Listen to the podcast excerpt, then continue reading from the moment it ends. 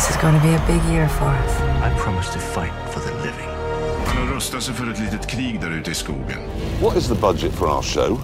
Smaller than it was. Yeah, not, not big enough. Hej och varmt välkomna till Streamingpodden. Eh, Det är avsnitt nummer 47 faktiskt. Och eh, vi sitter här i Stockholm och spelar in. Det är den 16 juni 2022. Eh, det är jag, Jonas Birmé och Magnus Svensson. Vi är båda från Ivin Technology. Eh, vi har precis avslutat, precis kanske fel ord att säga, men för några veckor sedan så hade vi Streaming Tech Sweden som vi eh, arrangerar. Och det är väl fokus på den dagen, det här avsnittet främst. Men vad tyckte du Magnus? Hur, hur var dagen? Ja, väldigt, väldigt kul och väldigt bra dag rakt igenom. Allt flöt på bra. Man är ju alltid nervös som arrangör att någonting inte ska klaffa. Men jag måste säga att hela, hela dagen funkade väldigt bra och det var uppskattat av alla jag pratat med efteråt. Så att, och kul att få träffa hela industrin igen efter två och ett halvt års uppehåll. Ja, jag kan verkligen bara instämma där. Och vi kommer att komma tillbaka lite mer kring själva dagen och eh, det som eh, pratades om och eh, lite grann våra takeaways från, från föredragen. Men innan vi gör det så ska vi gå in på lite, lite streaming eller lite nyheter inom det här streamingteknikområdet. Eh, vi kan väl både sportrelaterade kan vi säga och eh, bara för några dagar sedan så Eh, slog det ner som en bomb? Nej, jag kanske inte ska kalla det så, men eh, man fick det intryck därför när man läste vissa medier. Men Eh, det var att Apple säkrar eh, de globala rättigheterna för MLS. Och för eh, ni som inte vet vad MLS är så är det eh, den amerikanska eh, proffsligan i fotboll. Och då pratar vi europeisk fotboll och inte amerikansk fotboll för att vara tydliga med det. Eh, vad, vad betyder det här Magnus? Ja, det är ju ganska intressant. Eh, jag tror det första som jag känner till är unikt som är liksom, dels har de exclusive rights i tio år och de har internationella exklusiva rättigheter. Alltså de har globala inte, eh, exklusiva rättigheter till fotbollen från och med nästa år. I alla länder, alla eh, matcher, allting är enbart på Apple TV. De kommer göra en egen det kommer inte vara liksom Apple TV Plus abonnemang utan det kommer vara som, ja, inte kanske som en egen tjänst men du kommer att behöva ett eget subscription för att komma åt de här matcherna. Men fotboll, eh, alltså MLS, den fotbollen, den har ju viss konkurrens med den europeiska fotbollsligorna och även andra som, eh, som eh, väl kanske eh, har kommit längre eller populärare eller större. Det här är ju inte... Hur stor är den här sporten egentligen? Vad, vad är värdet av den här rättigheten? Det är svårt att säga men den växer ju för varje år i från amerikanska intresset och ett sydamerikanska intresset för sporten. Och de har ju lockat, vi har ju haft vår egen Zlatan Ibrahimovic som har spelat i LA och eh, de lockar till sig en hel del, kanske inte upcoming stars men ändå relativt etablerade stjärnor i ligan. Och den, amer den, amerikanska fotbollen, så att säga, den, den traditionella fotbollen är ju, som vuxit sig starkt även internationellt och de är högt upp i OS och VM-turneringar. Så att jag är inte helt säker på att den, den kommer stanna som en, en, mindre liga utan de kommer säkert expandera med det här. Så det är ett intressant ett, att, att Apple har tagit de exklusiva rättigheterna i tio år. Det är ganska långt avtal, stort avtal och nu har det väl läckt ut lite att de tittar på att kanske göra någon form av redistribution eh, till kabel-tv på vissa matcher eller som exklusivt. Eller så, här. så de har väl... Det är klart, Apple själva har väl egentligen inget jätteintresse av att skicka det vidare för det, pengar är kanske inte det de är här för. Men MLS har väl en, ett intresse av att nå ut så mycket som möjligt. Mm. Så att jag tror vi kommer se lite experiment, experiment med vissa matcher kommer vara gratis och sådana här saker så att man lockar in intresset i den här sporten. Men de har ju redan tidigare tagit baseball, vissa baseballmatcher på Apple också så de tassar ju definitivt in på livesportområdet med, med stora kliv här. Mm. Ja, nej, och det är ju klart att eh, det, det, för sporten som sådan så så tror jag att det behövs, eh, ja men det är väl räckvidd initialt som man Mm. bör få upp populariteten och eh, det är väl klart att locka över proffsspelare från Europa dit, eh, det, det skapar ju eh, en ny form av NHL. Mm. Eh, det är väl det man kanske hoppas på. Och, eh, så vi får väl se. Men, men som du säger, tio år, det är en lång tid. Det visar ju ändå på att det finns någon form av långsiktighet i den satsningen. Och det är klart att eh, blir det stort och populärt, då har man ju kanske gjort ett riktigt klipp. När man har Mm. varit ute tidigt. Eh, så det blir spännande att se vad som händer Annars där. tror jag Apple lär sig en hel del av det här också. Att hur det är liksom att ha liksom globala rättigheter för en sportliga och få ut till, till som ett livesändningar har inte kanske varit Apples styrka tidigare. Har inte riktigt fokuserat på det. Så att det är nog mycket lärpengar här för Apple också. Och, eh, det de också är ganska unikt att de, de har ju då helt plötsligt inte med local blackouts så att de inte får visa matcherna i hemmastäderna och sådana här saker. Allt, alla sådana restriktioner är bortplockade. Så att Mm. det är ett litet nygrepp och det är väl den första sporten jag vet, en stor sportliga som går helt exklusivt på streaming. Mm. Och eh, vi ska väl tillägga också då att det var ju ett tag sedan som Apple eh, öppnade upp sin tv-tjänst även för andra enheter Mm. än bara Apple. Eh, det ska vi komma ihåg så att de har ju, det är inte bara Apple-ekosystemet eh, som det här är kopplat Apple till. TV-appen finns ju på alla device nu. Så att som, där kommer det inte finnas några begränsningar på vart du når ut. Och, och rätt prissatt så kan det ju fortfarande bli en väldigt attraktiv tjänst. Där. Mm. Så de har inte släppt några som helst pris, pris hur de kommer prissätta det här eller någonting sånt. Mm. Så det, det återstår väl att se. Ja, men de har ju alla möjligheter att eh, bandla ihop det som de har gjort med sitt, TV, sitt TV, Apple TV Plus. Då, med allt från när du köper en ny hårdvara så får du på köpet eller om du kopplar ihop med iCloud och alla de här olika andra prenumerationstjänsterna. Så de har ju alla möjligheter till att göra kanske attraktiva bundles där det bakas in i, i något som du redan har eller, eh, och på så sätt bygger ändå upp en, en eh, subscriber base. Och det är väl det som är kanske viktigt här i början. Att kunna visa på att Ja, det ska bli spännande att följa det här för att det här ser man ju nu. Det är ju liksom inte bara förut har det egentligen i princip bara Amazon och Dazon och andra som har gått in och liksom försökt norpa rättigheterna för, för sporterna från kabel, traditionella kabel-tv-distributionen och Apple plockar väl Monday Night Football eller Amazon plockade dem och sådana saker. Så att det börjar ju naggas i kanten ganska friskt på de traditionella tv-bolagen som sitter på, på traditionellt har suttit på sporträttigheterna. Men vilka ska vara oroliga idag då, av att en sån stor jätte som Apple då eh, ger sig även in i, i sport? Eh, det har ju pratats om länge också om, om huruvida Netflix skulle ge sig in i sport och vad det skulle påverka. För det är ju ändå, det här är ju, de har ju mycket pengar i sina kassor de här eh, Apple och Amazon för den delen också. När de nu ger sig in också börjar vara med och, och slåss om rätten att betala för dem Kommer en, en mindre spelare, en lokal spelare eller en nordisk spelare för den delen ha överhuvudtaget någon chans? Nej, först, de första som ska vara nervösa och, bara darra på manschetten är ju liksom de traditionella networks, eh, ABC, NBC, Universal, Viacom som normalt sitter på de här för att det är i princip det sista som driver kabel-tv-abonnemangen har ju varit sport. Och börjar de tappa dem också så kommer vi komma till en brytpunkt när de traditionella kan, kanalpaketen inte är attraktiva tillräckligt. Så de ska ju först och främst bli nervösa. Sen, ja, självklart de mindre spelarna när när Apple går och hostar upp de globala rättigheterna så behöver inte det stanna vid amerikanska fotbollsligan utan det kan ju det kan ju definitivt hända att de går in på lokala marknader också eller tar globala rättigheter. Mm. Så att jag tror att Apple lite gör det här, ja, ganska dyr lärpeng men det till, för Apples räkning så är det inte en dyr lärpeng. Det är säkert en väldigt nyttig lärpeng Mm. för dem. Mm.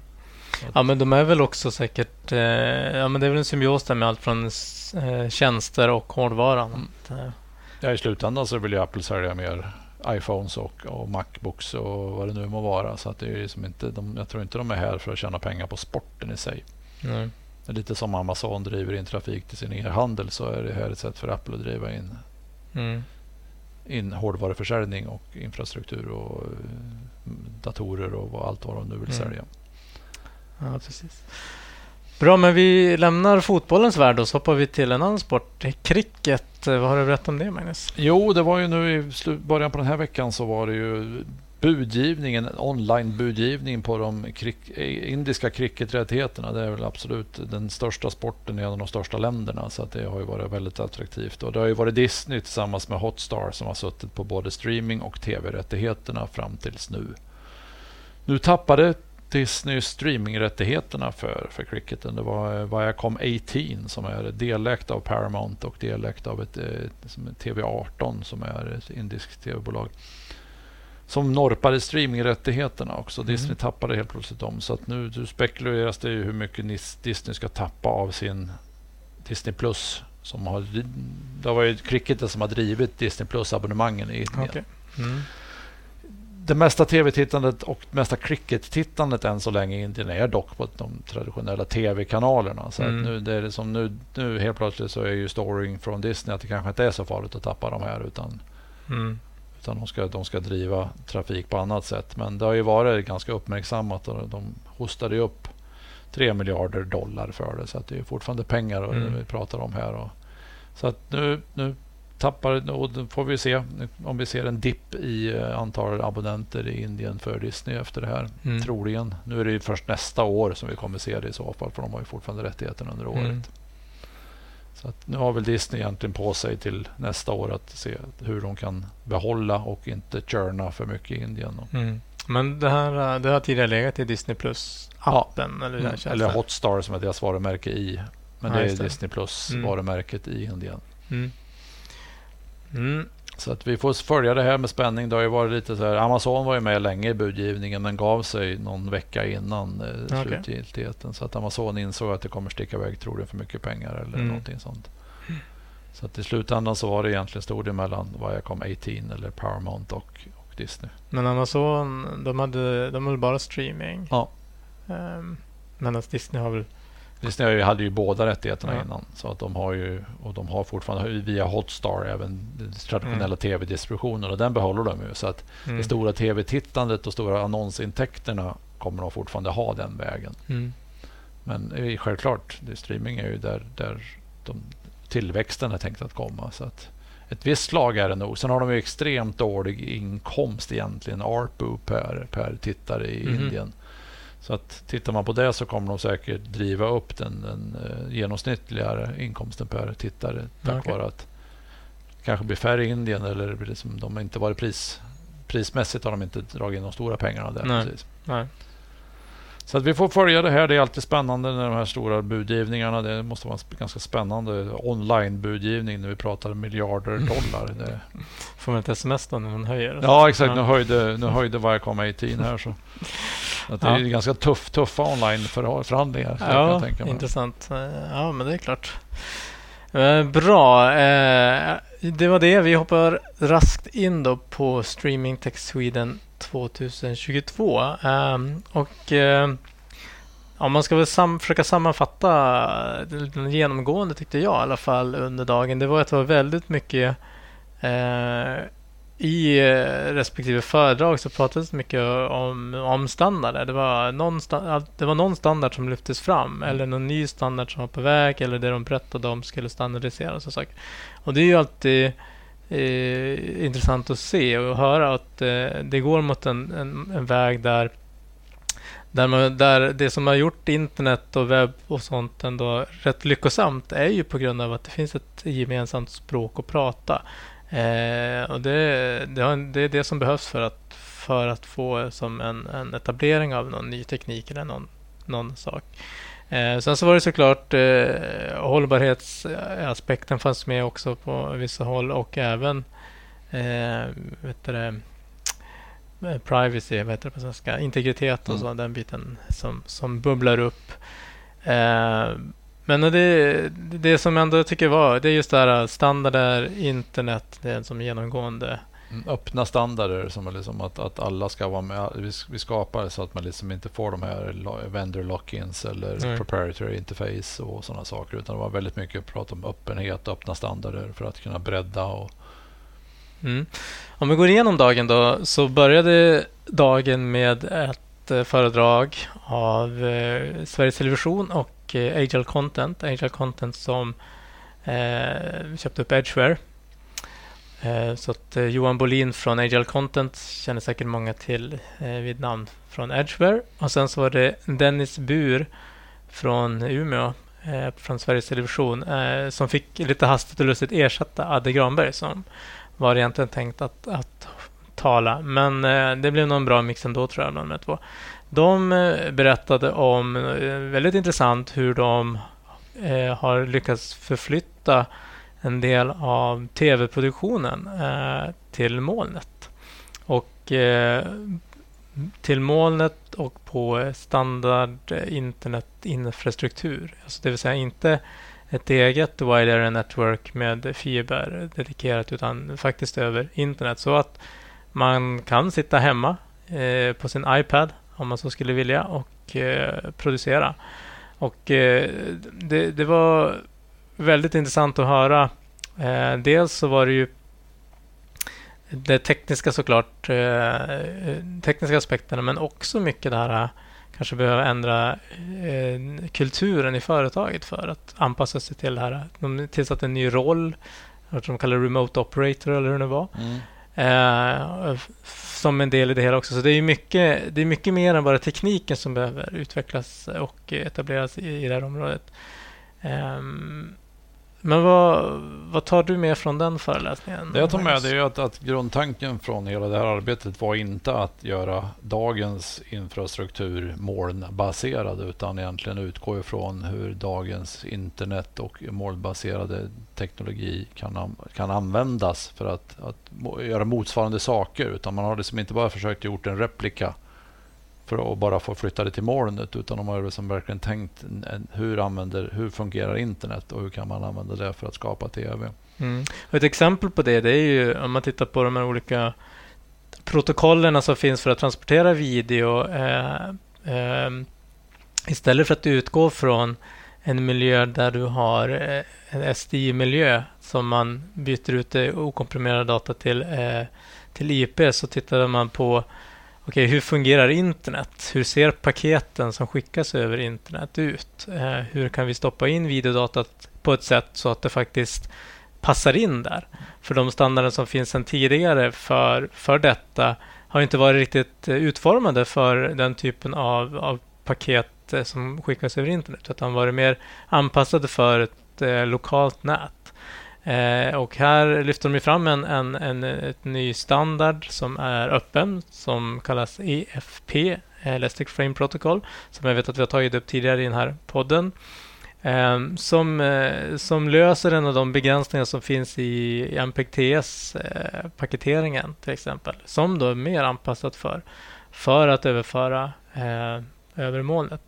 Eh, det som jag också tar med mig från det här var att Eh, man inte bara tittade på det, hur man hittade man på internet och vilka tekniker som man passade för det, utan man också tittade på vad finns det för, för eh, teknik och enheter idag man kan använda sig av. Det behöver kanske inte vara eh, för alla delar, utan med en iPhone till exempel idag som har en, en eh, rätt avancerad kamera och sensor, eh, kopplar på en annan glugg så har du ju kanske en, en likväl Eh, eh, jämförbar kamera. Plus att du har möjligheten att då eh, lägga in din mjukvara på den mm. på ett annat sätt än vad du kanske har om du köper en Sony-kamera.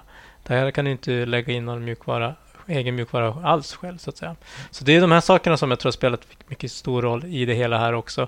Eh, man behövde släppa sargen från att köra okomprimerat eller jättehög bitrate. Mm. Eh, göra den kompromissen. Eh, deras talk heter The Best Effort eh, och eh, det är liksom så, The Best Effort det är ju så internet fungerar i den distributionen så att man anpassar sig ut efter det. Mm. Ja, jag tyckte det var intressant just de här tankebanorna och att det var även en organisatorisk och en, en, en kulturell förändring på SVT och inte bara en teknikförändring. Det är liksom, jag tror att man måste tänka annorlunda som organisation också. Men i slutändan så kan du ju skapa mer tv för, för en billigare peng och för ett enklare arbetssätt. Mm. och eh, eh, föredrag som hölls efter det, eh, det var från, eh, av Ryan Jespersen från Dolby, eh, men som tidigare varit på Millicost som blev uppköpt av Dolby. Eh, na, känner igen det namnet också från, från Vausa. Eh, och eh, det här är ju intressant om man tittar på, jag menar low latency, det har vi pratat om alla år på Streaming Tech Sweden, ska jag säga.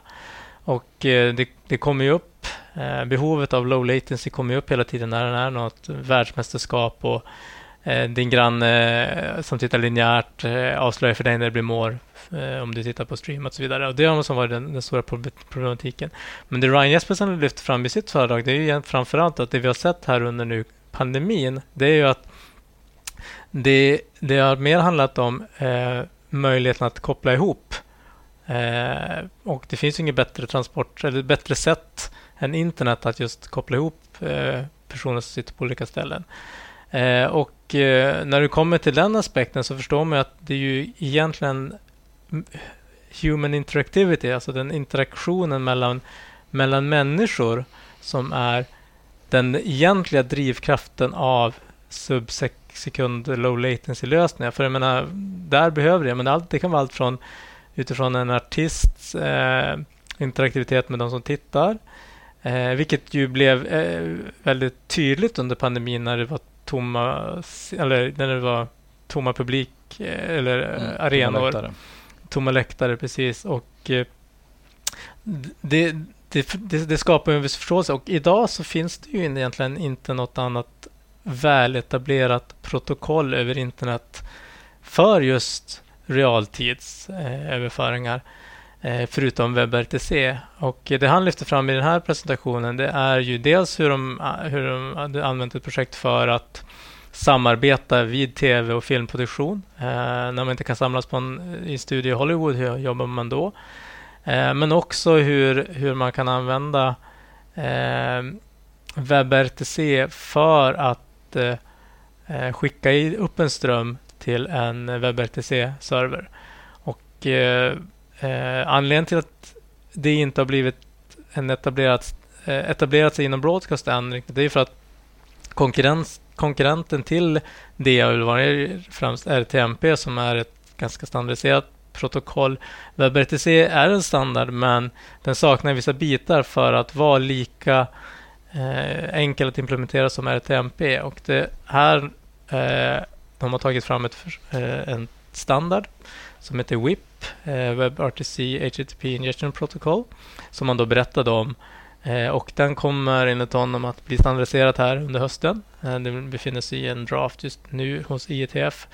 Eh, och det finns några som har implementerat allt från eh, mjukvara, VMX OBS, till hårdvaru som Teradec och Hivision har implementerat WIP-stöd för att skicka upp till en WebRTC-server. Vad är dina takeaway från, från den här eh, presentationen? Jag, tyck, jag tycker det som dels att, att det finns en, en, ambition och tillbaka till inledningen vi pratade om just att man vill försöka öppna upp det här så att det blir verkligen använt också. Jag, man bara, måste bara fundera på vilka use case är WebRTC och low latency verkligen behoven också. Det, är liksom, det kanske inte är att eh, alla fotbollsmatcher, alla sporthändelser måste vara i low latency, men vissa interaktioner så som när du vill ha feedbacken tillbaka till, till den som utför någonting och sådana saker. Så att, och just, just standardiseringsengagemanget och att intresset nu väcks även från, egentligen från Dolbys sida som egentligen köpt upp Millicast för den här anledningen. Mm. mm. Så det börjar ju, och vi har ju det som WebRTC är ju som absolut ingenting nytt. Det har ju använts, vi använder det ju dagligen under pandemin i våra Teams och Zoom och alla de här sammanhangen. Men, men nu börjar det även tittas på hur man kan använda för som traditionell man kan säga broadcast. Mm. Nej, men han, han, han poängterar i sitt föredrag att just HLS, MPEG Dash och den typen av HTTP streamingteknik, det kommer fortfarande det är ingenting som kommer, det här kommer inte ersätta det. Det kommer vara det som används kanske framför allt för one-to-many i stora skalor. Och, menar, när inte interaktiviteten är Eh, är en del i det hela, då finns det ingen anledning att, använda det någonting annat heller. Men det är just det att, att verkligen hitta det här. Mm. Det är inte det här use caset att grannen spoilar. Det, det kan, du kan ligga 30 sekunder efter bara den ligger lika mycket efter. Mm. Det löser det. Eh, men det är just den här interaktiviteten. Eller att du kanske befinner dig på plats där sakerna händer. Så att du har en second screen-upplevelse i form av en in-stadium experience. I din, i det, du, du, kan sitta på olika kameravinklar i din mobil eller ersätta jumbotronen eller sådana saker. Eh, då måste det ju vara väldigt låglatency för du, du sitter faktiskt där och hör och ser eh, det från en annan vinkel tidigare annars. Så att säga. Det är ju inte use case jag definitivt ser framför mig. Man, man är på en, en skid, skidtävling, rally och sådana saker där du kanske liksom bara ser en liten, liten del av arenan. Medan man då kan plocka upp sin mobiltelefon och följa resten av tävlingen. Och då, då, då kan man inte ha det en minut efter. Äh, rally är ju ett jättebra exempel. Ja. Jag menar, hur kul är det för publik på en rallytävling egentligen? Du går, du, först tar du ut mitt ingenstans. Det är säkert kallt, du fryser. och så sitter du i en kurva där och sen så sitter du och väntar på en bil som varann, var, var andra minut kanske bara vroom och du hinner knappt se den. Men du har ingen aning om vilken tid eller vem Nej. det var och så vidare. Eh, nu raljerar jag lite grann, det är säkert jättekul. Men, men eh, det tror jag skulle addera till andra mm. Absolut. Jag tror det finns många sådana use som man kanske inte riktigt har fokuserat på tidigare, men nu blir möjligt med... Ja, men och då, har ju, då är det ju inte så här, då pratar vi inte en miljon tittare, utan det kanske är ändå begränsat. Mm. Men, men det, det viktiga då är att det är mm. under en sekund. Ja. ja, det var intressant. Det var det, var det verkligen. Eh, men därefter så hade vi Rufael, Rufael Mercuria från Unified Streaming som presenterade också en standard. Eh, ett, eh, det är ju inget nytt unikt problem men, men hängslen och livrem är något som vi alltid tillämpar. Och ett sätt, eller en sak som man behöver tänka på det är att för live-kodning så behöver du ha kanske två kodare. För jag menar, om en går ner, vad händer då? Då, då, då stoppar allt. Och eh, Det finns lite utmaningar med just att ha två enkoder för då behöver vi se till att det är i synk mellan varandra och att det de, det de spottar ut sig och, och, lägger upp på Origin är samma sak fast det kommer från olika ställen. Och eh, Det är den biten han pratade om, en, en standard kring just den typen av synkronisering. Eh, och du några takeaways på den? Ja, det är egentligen ett arbete som har pågått ganska länge och bland annat vi från Ivin har varit med med ett öra på rälsen och lyssnat lite under det här. Det har varit liksom ett, ett, ett öppen diskussion från start. Det har liksom inte varit tänkt att det skulle bli någon proprietary utan det är ett industriproblem som har som funnits ganska länge att, att få två kodare att synka sig och, och även då att man inte bara för att få koderna att synka sig för redundans men det kan även vara för watermarking, det kan vara eh, time timed metadata och alla sådana saker som måste du måste ha en, en synkronisering mellan två instanser.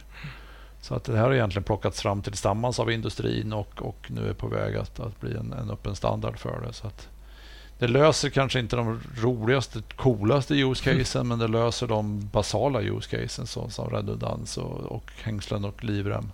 Mm.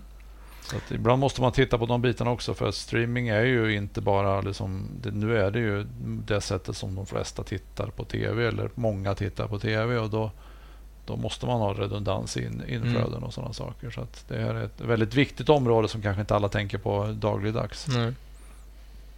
Och sen så hade vi eh, Kenneth Eriksson från Spotify eh, som berättade om eh, deras transkodering. Eh, och då var det väl framförallt, eftersom det här är en konferens med fokus på video, så handlar det framförallt om deras videopodcast, som är framförallt det som de har video. Och eh, han berättade lite om utmaningarna kring det. Det som skiljer video podcast mot musik är ju oftast att musik det är något som du jobbar med ganska lång tid. Du spelar in en studio, du förbereder marknadsföringar, turnéplaner, du har releasedatum och, och så. Medan eh, videopodcast, där handlar det kanske mer om att vara först mm. ut. Och, och då betyder det också att du behöver transkodera snabbt. Eh, du kan inte skicka in det i, i lång tid i förväg och ha ett releasedatum om, om några månader, utan det, det är nu som gäller.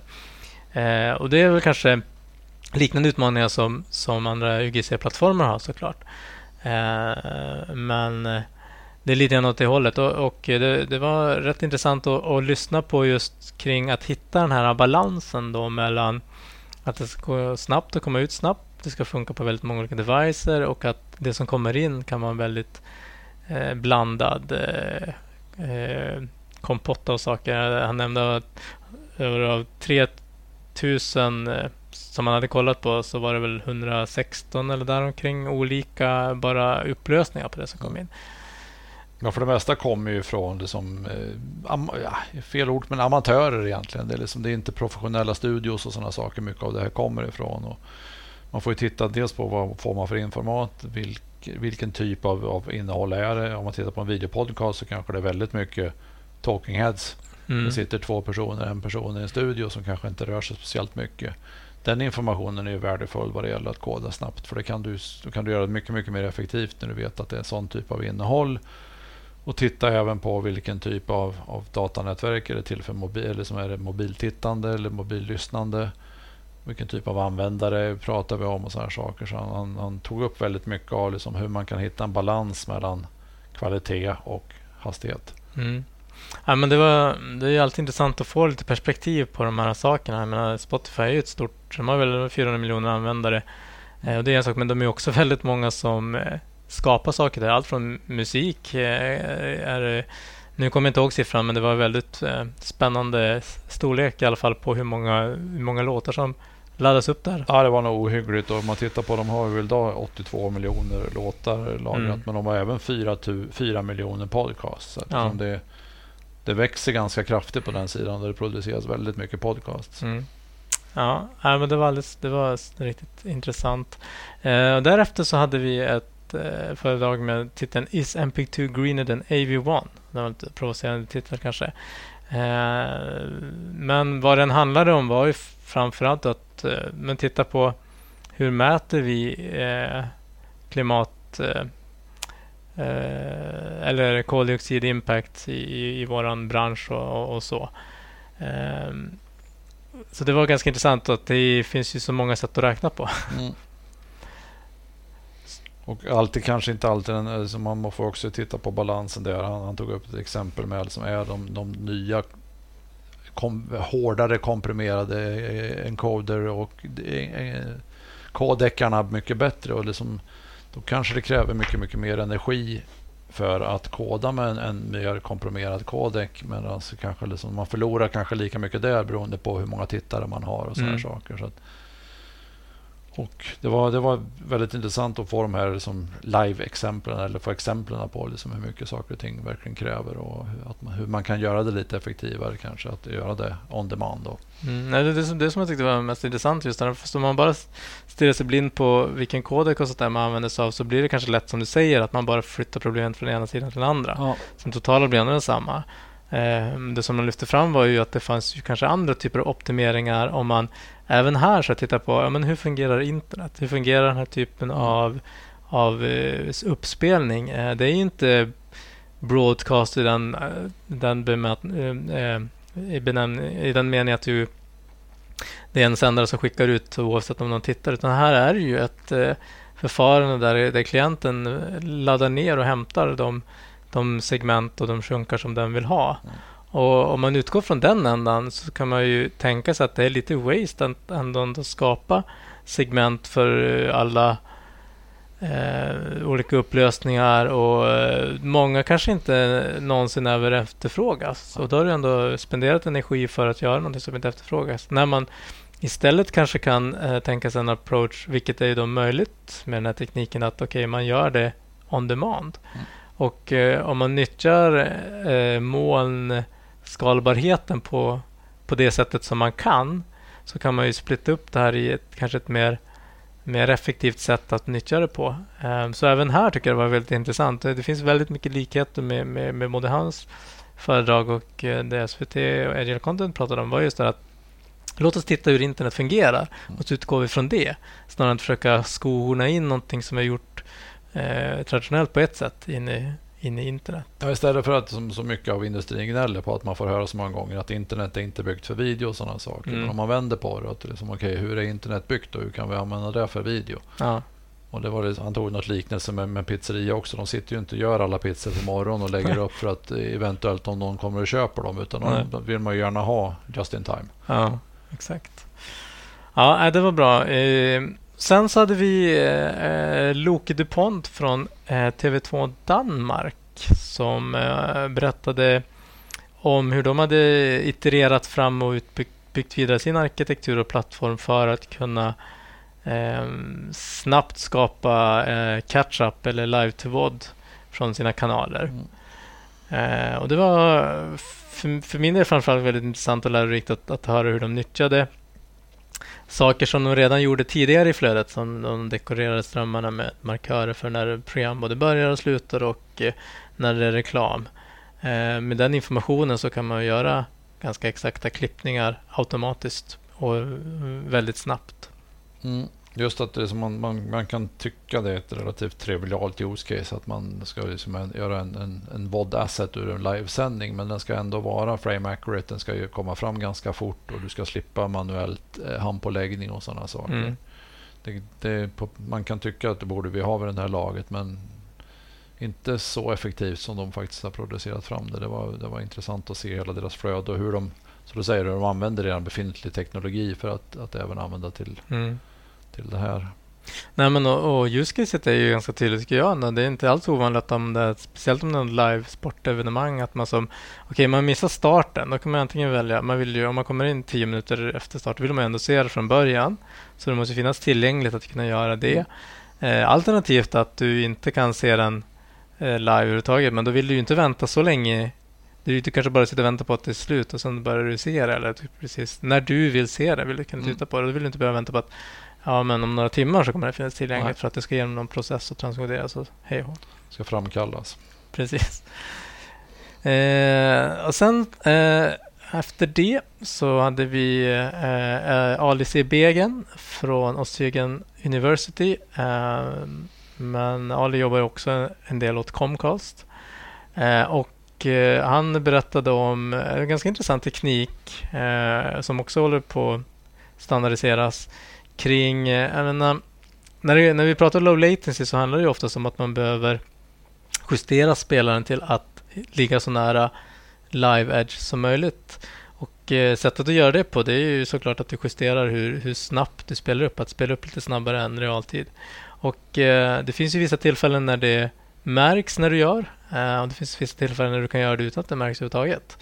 Eh, och eh, det var det här deras algoritm gick ut på var just att att analysera lite mer vad det är som händer eh, i själva i videon eh, och utifrån det eh, avgöra om det kan om det var lämpligt att snabba upp eller kanske göra det långsammare. man skickar med den informationen till spelaren så spelaren bättre kan göra de här valen när det är lämpligt att mm. spela snabbare eller spela långsammare för att anpassa sig. Det, det, kan man se ibland. Jag tänkte på det redan som senast idag när jag satt på videokonferens med, med en kund och rätt vad det så börjar spelarna spela lite fortare. Och liksom, ibland är det inte lämpligt att göra det och framförallt på en spelfilm som då är liksom, mm.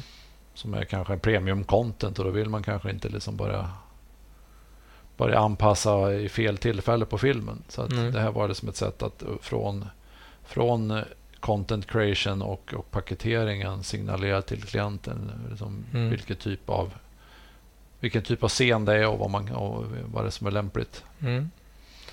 Det är som tillbaka till ett standardiserat sätt att göra det och inte att det ska vara, varje ska sitta och uppfinna hjulet själv. Mm. Och sen så precis, eh, då hade vi Willow från Akamai eh, som eh, han har varit här förut och pratat. En väldigt bra talare tycker jag. Eh, och han lyfter fram, eh, det är inte så att vi har nog mycket, det, det, det, ja, så här, eh, det finns en hel del på vårt bord att adressera i den här branschen ändå. Så att, eh, vi behöver egentligen kanske inte mer saker, men han vill ändå lyfta fram en ytterligare sak och det var privacy eller integritetsaspekten som är ju ändå något som pratas väldigt mycket om och han visade ett ganska bra exempel på hur mycket du egentligen bara av att surfa till en sida eh, ändå delar med dig av ditt IP-nummer. Mm. Bara för att göra det. Och eh, det är klart man kan tycka att ja, men vi kör ju HTTPS och hela den biten, är inte det säkert?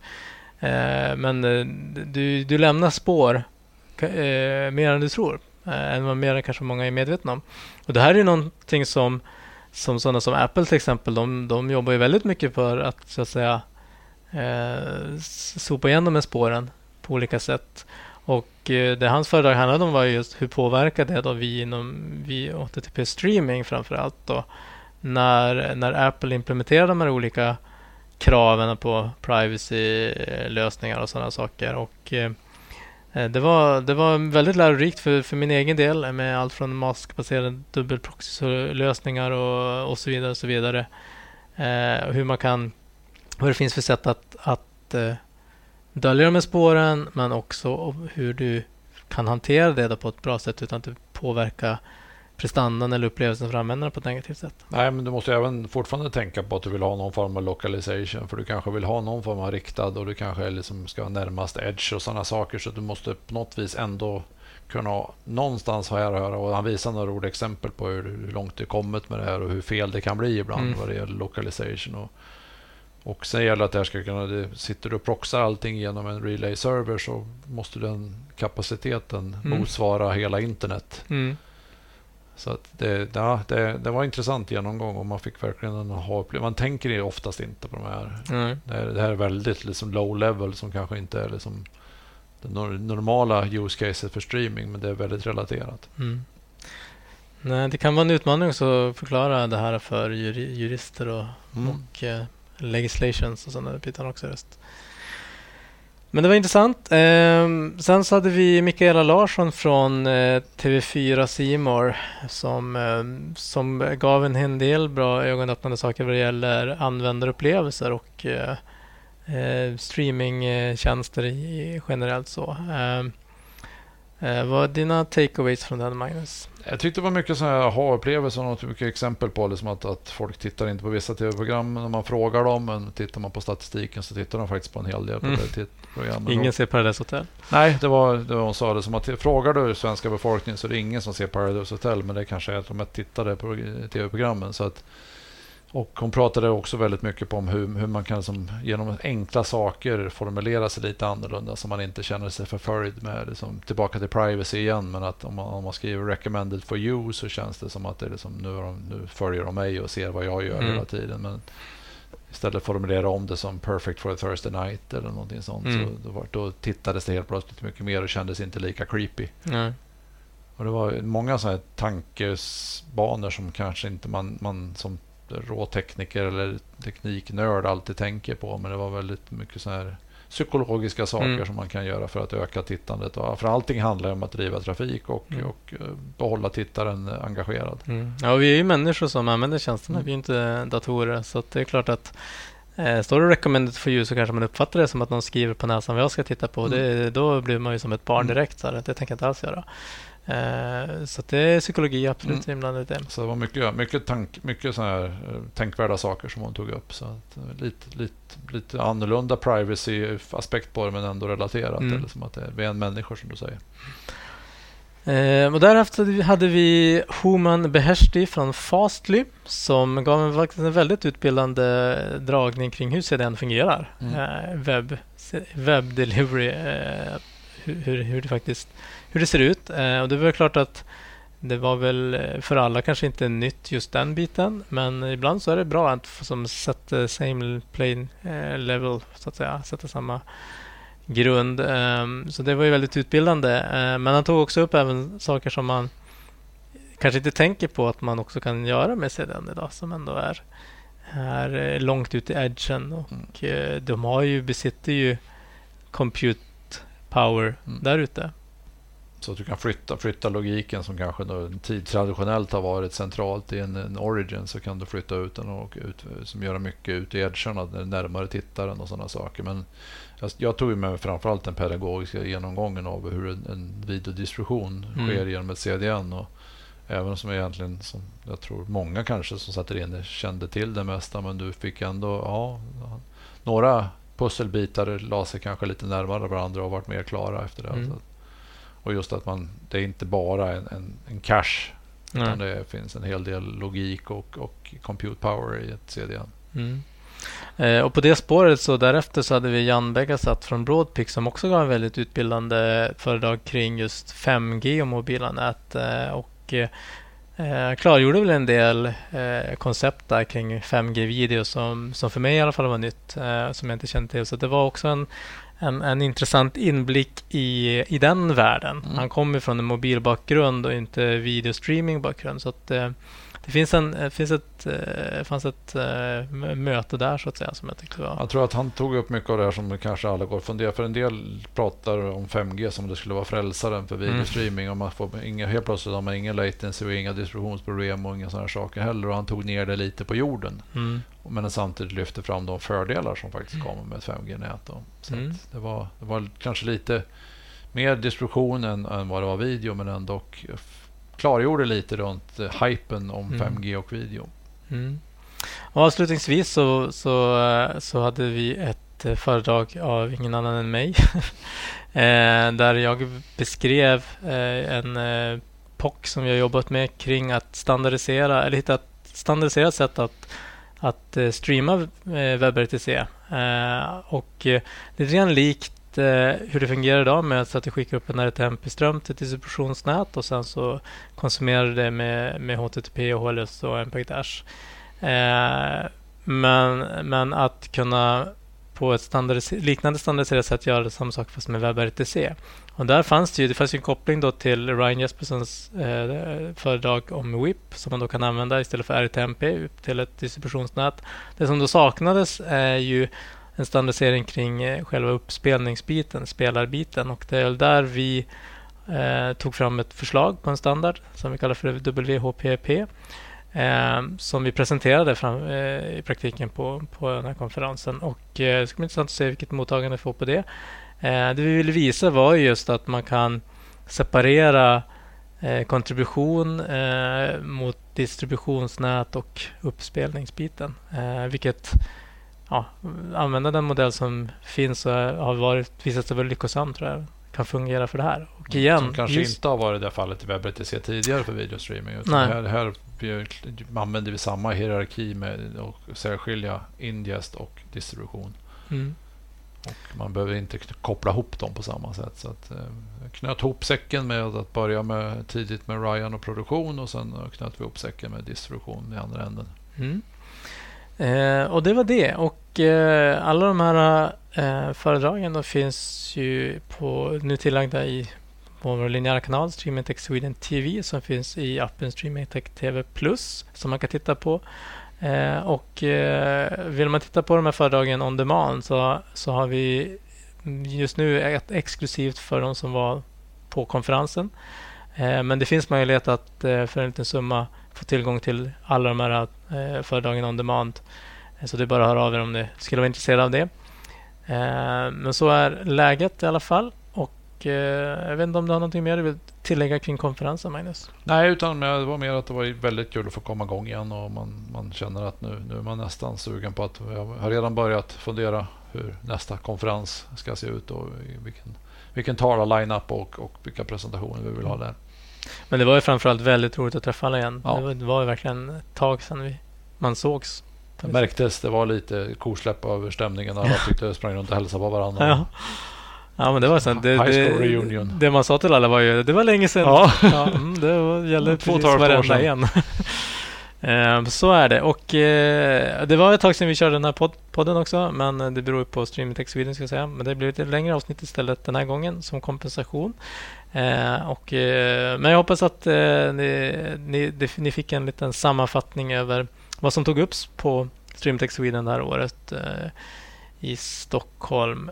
Ehm, så jag tror vi avrundar med det. Det gör vi. Mm, så får jag önska er en fortsatt bra dag, tid eller var ni nu än befinner er. Ha det gott! Hej. Ni har lyssnat på Streamingpodden. En podcast för dig som är intresserad av streamingteknik och nyheter i området. Programmet produceras av Ivin Technology, leverantörsoberoende specialister inom videoteknik och mediedistribution.